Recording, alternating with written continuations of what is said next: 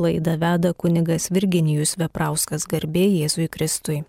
Ir panelė švenčiausiai taip pat, malonus Marijos radio klausytojai, girdima laida aktualieji bažnytinės teisės klausimai. O mes eikime prie 1190 kanono. Tačiau praeitoje laidoje dėl laiko trūkumo mes nepasiaiškinome dėl kai kurių dalykų. Buvo telefoninis skambutis ir kalbėjom apie katalikišką pasisveikinimą. Katalikų maldynuose yra parašyta katalikiški pasisveikinimai. Garbė Jėzui Kristui, atsakas per amžius amen.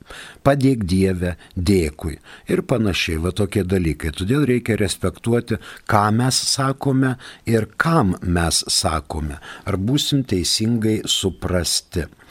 E, kita mintis buvo prie klausiančiojo telefonu, tai apie tai, kaip katalikas turėtų elgtis e, pravoslavų katakombuose, lavruose.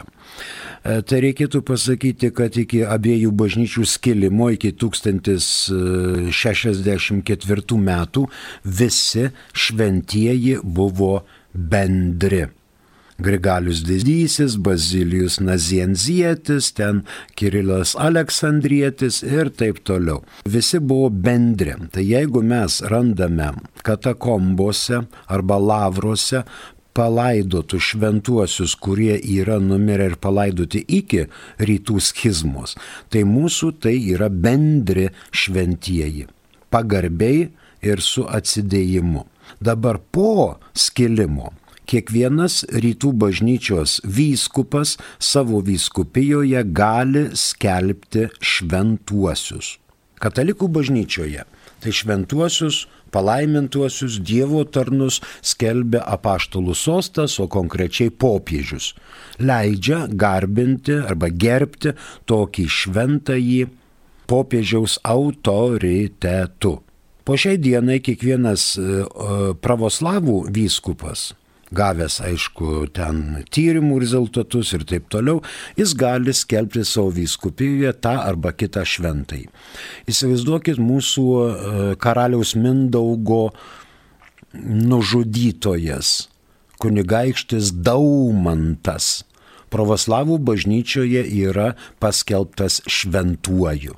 Dovmant Tai mes nuėję prie jo palaidojimų vietos lankstomės, nes jis yra Mindaugo žudikas.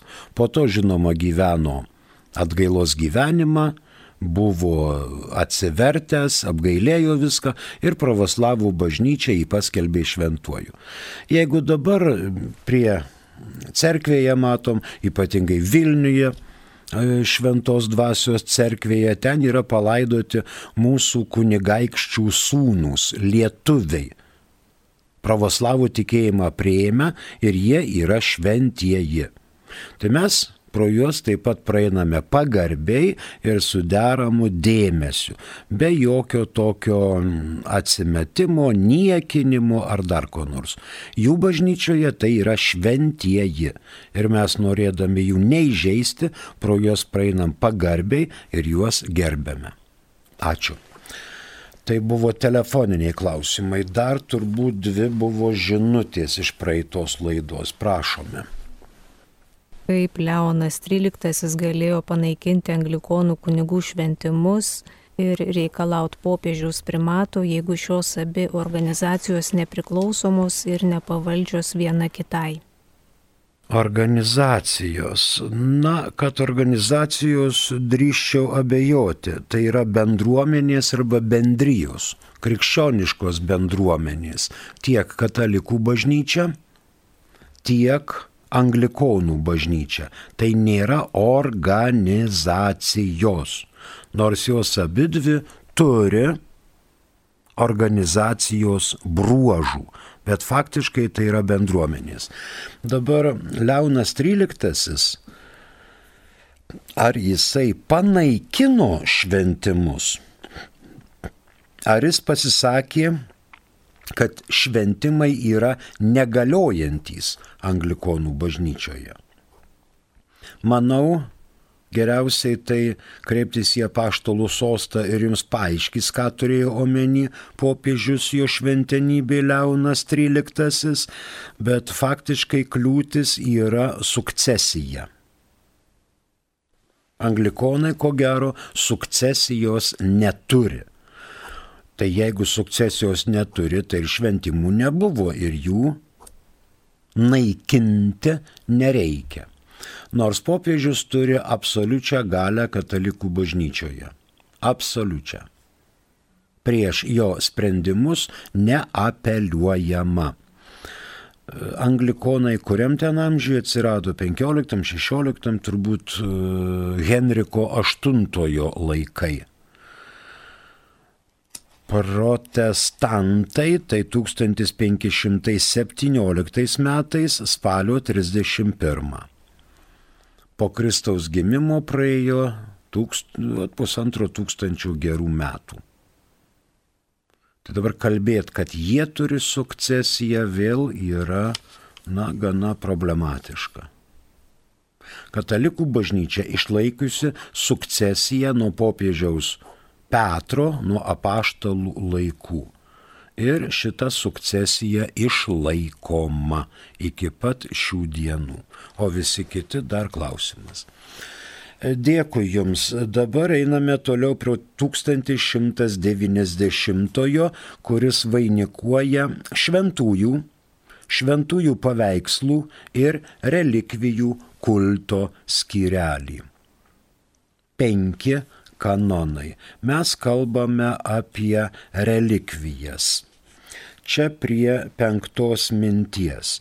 Teisė labai griežtai draudžia prekybą relikvijomis esančiomis ne vien tik bažnyčio žinioje, bet ir privačiose rankose. Mums gali ateiti tokie netiesioginiai kanonai į pagalbą, kaip 927. Visiškai neleistina netgi verčiant didžiausiai būtinybei konsekruoti vieną materiją be kitos arba abi materijas ne Eucharistijos celebravime.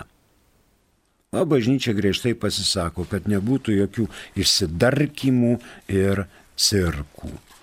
Kitas dėl 1190-983.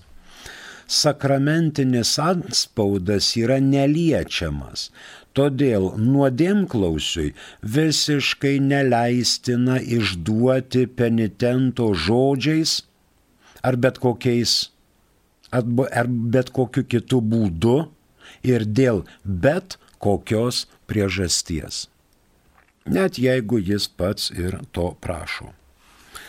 Ir dar trečias kanonas, kuris mums iliustruoja šiek tiek 1090, tai 1026. Sakra šventinamasis privalo turėti reikiamą laisvę, visiškai neleistina ką nors, bet kokiu būdu ar ir dėl bet kokios priežasties versti priimti šventimus arba sulaikyti kanoniškai tinkamą kandidatą nuo jų priėmimo kas vėliau suponuoja, kad žmogus bus pašventintas ir dirbs bažnyčioje, tarnaudamas Dievui ir žmonėms. Relikvijų profanacija, tame tarpe ir prekyba, užtraukia rūščias bausmes.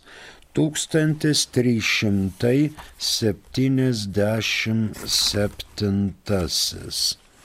Tas, kuris be nustatyto leidimo perleidžia bažnytinės gerybės, turi būčia, būti baudžiamas teisinga bausme. Perduoti relikvijas galima vyskupijoms, parapijoms, vienuolynams, dekanatams, bet iš vienos į kitą perkelti visam laikui tik su apaštalų sosto leidimu. Mus pasiekė esama žinutė, prašom atsakykime. Garbėzui Kristui. Per amžius amen. Lygos eigoje žadėjau kryžių kalne pastatyti kryžių. Ar galima vietoj kryžiaus votą bažnyčioje? Kas tas yra jūsų žodžiais tariant pažadėjau? Pažadėjau. Kas tą pažadą priėmė? Jeigu nebuvo priimančiųjų, tai jūsų pažadas yra tik tai pasiryžimas. Elkitės pagal sąžinę. Neaišku, koks tai buvo pasiryžimas. Galima, aišku, vietoj kryžiaus duoti votą bažnyčioje. Galima, žiūrint kokį kryžių. Ar ten nuo kaklo auksinį kryželį pakabint e, kryžių kalnę ant skersinuko, ar ten sumeistrauti pačiam kokiu dviejų metrų aukščio kryželį, ar ten paprastą pas karabelnikus nusipirkti ir, ir nuvežti pakabinti, ar votą. Pavyzdžiui, lygoje. Gal lyga buvo susijusi su širdimi, su siela tai tada, reiškia, votą, kokį sidabrinį ir auksinį galima nunešti į bažnyčią ir paukoti. Čia mano toks pasiryžimas, kad galėčiau papuošti šitą paveikslą mano šventojo, prie ko aš melžiuosi. Gal tai mano vardo šventasis, gal tai ir iš vis įmelsta vieta, kur daugybė žmonių melžiasi, prašo malonių ir didelė dalimi yra išklausomi tai jau jūs elkitės pagal savo sąžinę. Nes visi mes turėsim duoti Dievui apskaitą už savo pasiryžimus, ketinimus įgyvendintus arba neįgyvendintus. Ačiū. Toliau 1190 šeštoji mintis. Kaip girdėjote, relikvijų pernešimas į kitą vietą reikalauja apaštalų sosto leidimo. Jeigu apaštalų sostas leidimo neduoda, šitas perkelimas yra negaliojantis ir patenka po 1370 aštuntuoju kanonu. 76. Tas, kuris išniekina tiek kilnojamąjį, tiek nekilnojamąjį šventąjį daiktą, turi būti baudžiamas teisinga bausme. Perkelimas be leidimo yra aišku išniekinimas. Bet perkelimas nesuprantamas taip, kad reiškia restauruoti reikia rėmą Todėl kokiam nors ten Gudino centrui perdavėme su vyskupo leidimu, kad reikia ten paauksuoti iš naujo. Komisija liturginė ir meno pritarė, atsirado laikas, lėšos, eilė ir vat tą pusmetį bus tas rėmas ten restauruojamas. Tai nesuprantama taip, bet suprantama, jeigu perkelimas iš vis į kitą vietą. Na ir čia liečia kanonas tik tuos, kurie yra e, vertybės relikvijos, kurios yra bažnyčios žinioje. 1917 m. kanonų kodeksas e, tai reglamentavo 1281 antras paragrafas. Išvardino tada net kūno dalis, šventojo kūno dalis, kurios turėjo aukštesnę vertę. Pavyzdžiui, galva, pečių juosta, koja, ranka, plaštaka, širdis, liežuvis, kita kūno dalis surišta su kankinystė ir taip toliau. Dabar tokių išvardinimų nėra. Ir septintoji mintis nors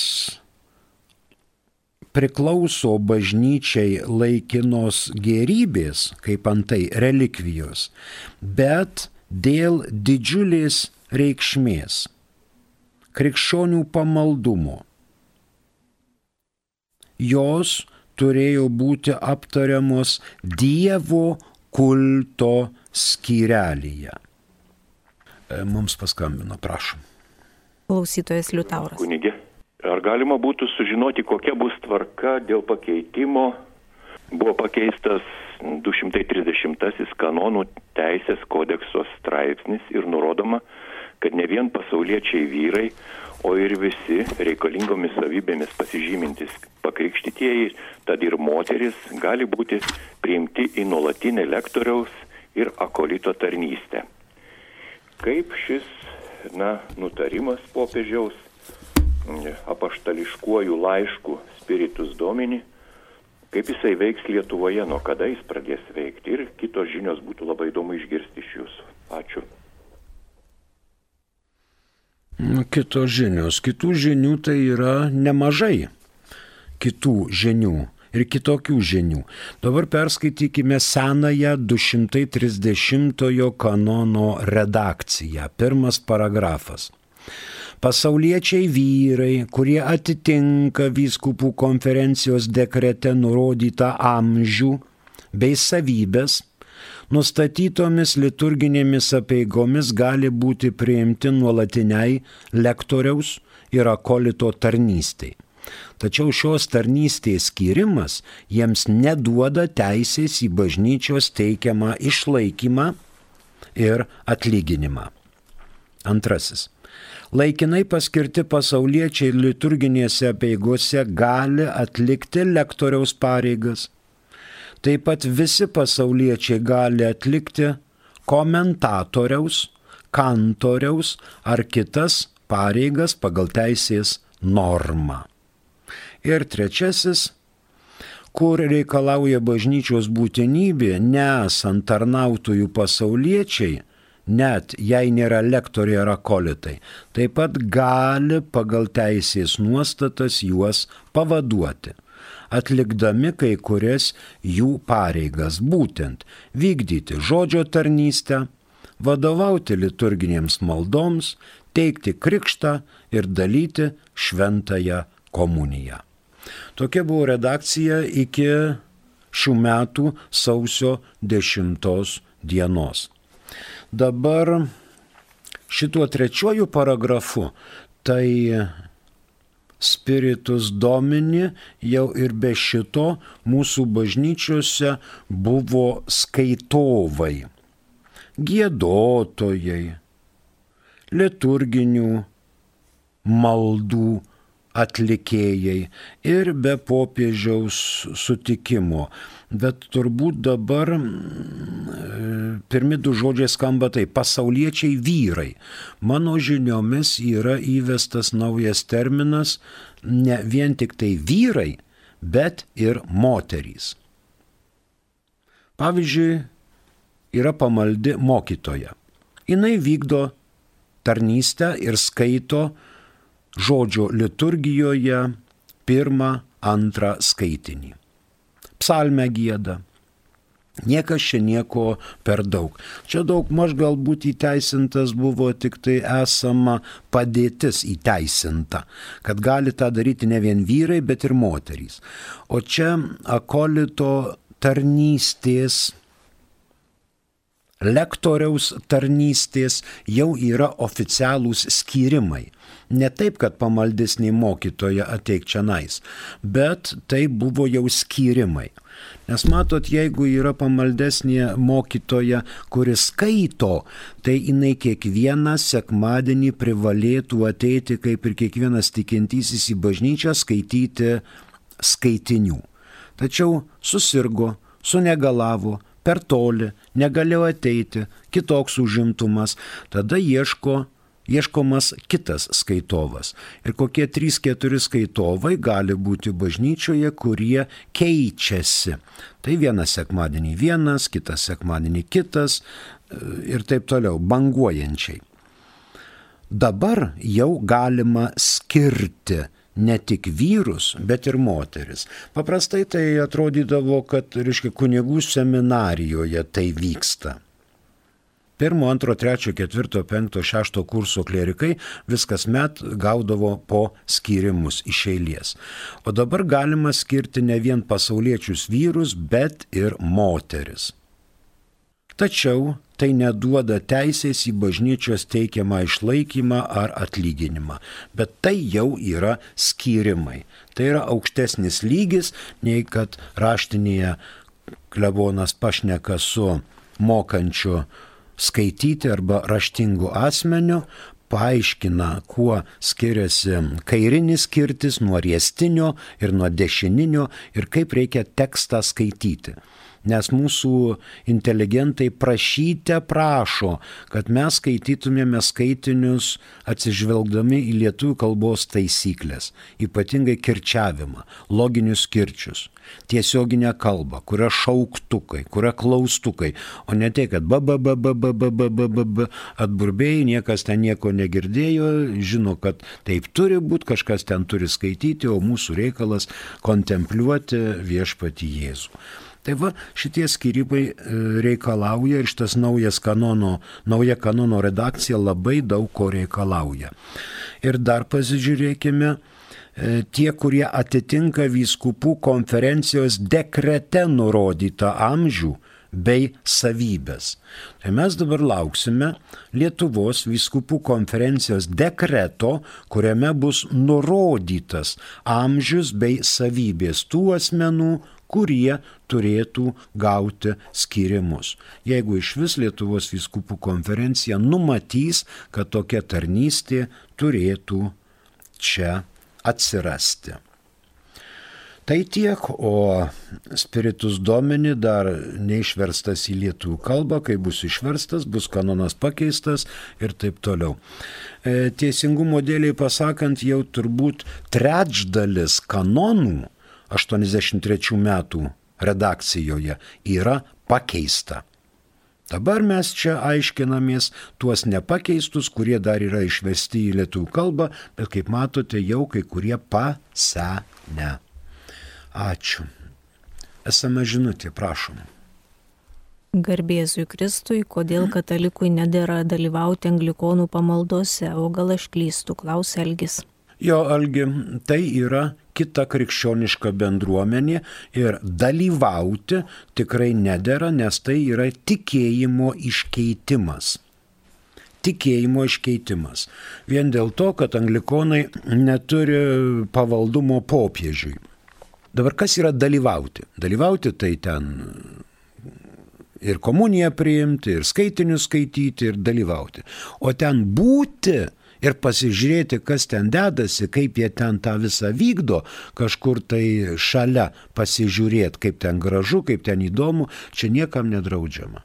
Nei musulmonų pareigo, pare, reiškia pamaldose, nei žydų pamaldose, nei evangelikų, reformatų, metodistų, anglikonų, visokių ten kitokių dalyvauti tikrai nėra draudžiama tokiu būdu, kad vat, stebiu. Pavyzdžiui, mano kaimynas, su kuriuo mes labai gražiai sugyvenom, yra pravoslavas. Ir pravoslavų cerkvėje už jį pamaldos. Aš tekinas, einu tą valandą į cerkvę ir pagerbiu tą žmogų, kuris krikštytas pravoslavų bažnyčioje ir jam teikiamos laidotuvių apėgos. Jis mano draugas ir aš pagerbiu tą bažnyčią, kurioje melžiamasi.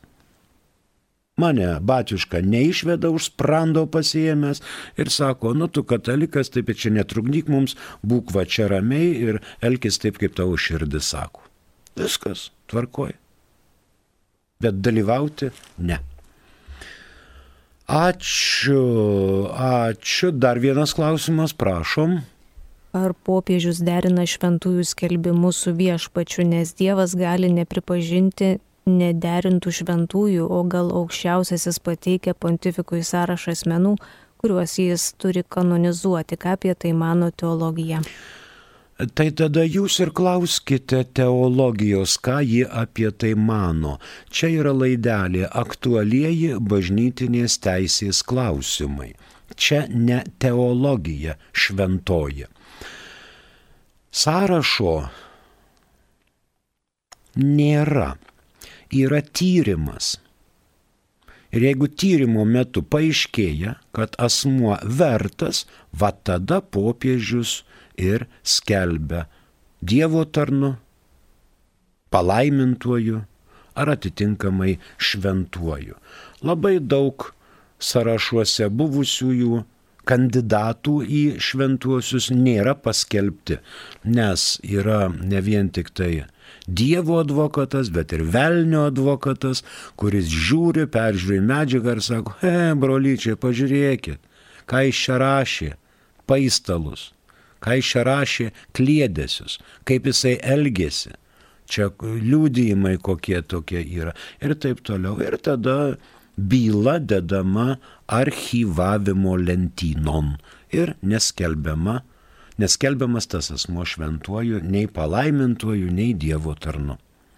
Vyksta tyrimas. Jeigu tyrimas jau pabaigtas, tada dar duodamas laikas kam nors ką nors pasakyti, jeigu kas nori ką nors pasakyti apie kažką, tada prašai, prašom mielai. Gal dar atsiranda kokių kitokių liudijimų. Čia neiškart Čia ne sąrašas iš dangaus, jeigu sąrašas ateitų iš dangaus, tai dangus ir skelbtų. Dabar skelbia popiežius autoritetu. Ačiū. Na ką dar mes turime, prašom. Rašo Petras iš Rokiškio. Mm. Prieš eilę metų šventųjų mišių metu šventoji Evangelija ir homilija būdavo skaitoma tik iš sakyklos. Dabar tai atliekama prie altoriaus. Ar kunigams draudžiama sakyti šventą Evangeliją ir homiliją iš sakyklos, ar gali rinktis tai savo nuožiūrą. Anksčiau nebuvo pažengusi technologija ir nebuvo mikrofonų. Todėl sakykla buvo įrengiama bažnyčios apie vidurį. Tai yra nava, kur gerklingas klebonas plaučius vėdindavo kad kiekvienam kampelyje ir Evangelija ir homilija jo sakoma būtų girdima.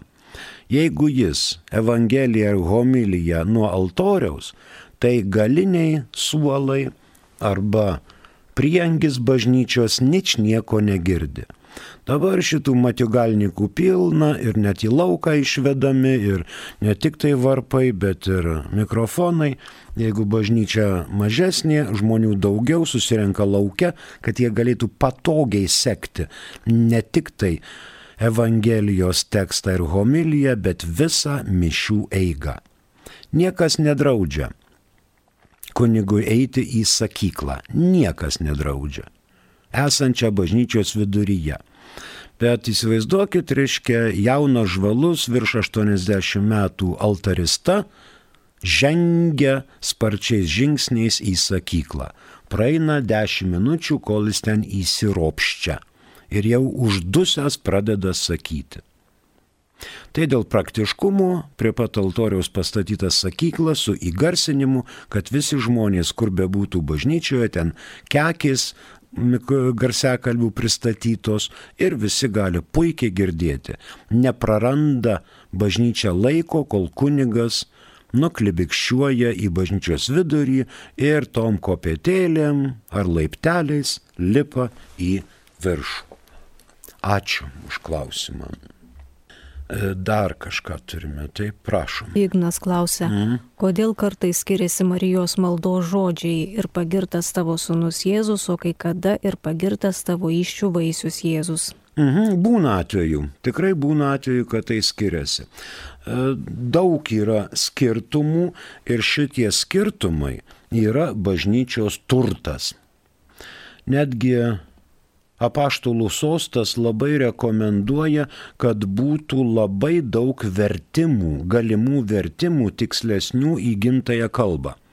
Prisiminkime, e, Skvirecko vertimas, Romos grafo, paskui Bretkūno ten e, keli, keli, kelių knygų buvo vertimai ir taip toliau. Mes turbūt kur, turėjom keliolika netgi švento rašto vertėjų. Čia iš paskutiniųjų tai yra e, Česlovo Kavaliausko vertimas.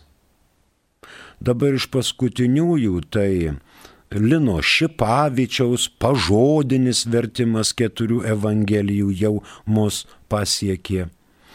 Liesis ten vertė psalmes ir taip toliau ir taip toliau. Taip kad čia kuo daugiau, tuo galima ieškoti tikslesnio ir atitinkančio realybę teksto. Atitinkančio realybę teksto. Šipavičius vertė tas keturias evangelijas iš graikų kalbos. Dabar nei vulgata, nei neovulgata neturi, iš jų neturi būti verčiamas šventasis raštas. Jeigu atsiras specialistų, kurie dar galės graikų kalbą arba iš keletą rytų kalbų išversti šventąjį raštą, būtų labai malonu. Bet Šipavičius yra pažodinis. Taip, kaip parašyta ir kartais taip, kaip parašyta, sunku susiorientuoti, todėl mūsų lietuviški vertėjai ar vienaip ar kitaip ima ir pagražina, kad klausytojas tikrai suprastų su lietuvišku mentalitetu, kas yra sakoma. Ačiū už klausimą. Na, tai mums liko jau mažai laiko, primenu, kad klausotės laidelę aktualieji bažnytinės teisės klausimai. Pabaigsime turbūt 1190-ąjį. Nors priklauso bažnyčiai ir laikinos gerybės, tame tarpe relikvijos, bet dėl didžiulės reikšmės krikščionių pamaldumo šitos relikvijos aptariamos Dievo kulto skirelyje. Nors tai turėtų būti kitoje, kitame skirelė atsižvelgiant į sakralų į charakterį, piknaudžiavimai šioje srityje ne tik laužo teisę, bet ir pažeidžia tikėjimo gerybės, tikėjimo dorybę. Pirmasis paragrafas šio kanono yra skirtas visiems relikvijų turėtojams, ne tik bažnyčiai, bet tiems, kur yra privačiose rankose. O antras ir trečias kan paragrafai liečia tuos, tas relikvijas, kurios yra bažnyčios žinioje. Rytų kanonuose atitikmuo yra 888 ir 887 kanonai. 1190 pabaigėme, dabar fiksuojame trys paragrafai. Visiškai neleistina parduoti šventųjų relikvijų. Antras reikšmingų ir kitų labai pamaldžiai žmonių gerbiamų relikvijų jokių būdų negalima galiojamai perleisti nei visiems laikams, perkeliant be apaštalų sosto leidimo. Ir trečiasis, antro paragrafo, mums paskambino dar trumpai, prašom. Klausytojas Albinas, klauskite, Klausom. prašau. Gerbiamas klebonė, dabar norėjau paklausti vieną tokį dalyką, aišku, kai sako, neišvežiojant bent trumpai. Mm. Komunija dabar ties, gali tik tai kunigas duoti savo rankomis, taip? Ne. Į burną tiesiai. Ne, ne. Toliau klausimą duokit. A, supratau. Ačiū. Tada aš daugiau nieko neturiu ką Labai, pasakyti tada. labai ačiū. Šventąją komuniją gali duoti žmogui ant liežuvio ne tik tai kunigas. Gali duoti diakonas, gali duoti vyskupas, gali duoti ekstraordinarinis šventos komunijos dalintojas. Taip pat šiuo metu dalinama komunija ir į delną. Gali duoti į delną šventąją komuniją kunigas, diakonas, vyskupas arba ekstraordinarinis šventosios komunijos dalintojas albinai. Gali. Ypatingai šiuo pandemijos metu. Anksčiau buvo neįvedama tradicija į Delną, bet dabar jau Lietuvos viskupų konferencija pasisakė už tai šiuo pandemijos laikotarpiu, kad duodama komunija į Delną. 1190 fiksuojam paskutinį paragrafą. Antro paragrafo nuostata galioja ir paveikslams labai pamaldžiai žmonių gerbiamiems kokioje nors bažnyčioje. Ačiū iš klausimus ir pabendravimą. Prie mikrofono dirbo kunigas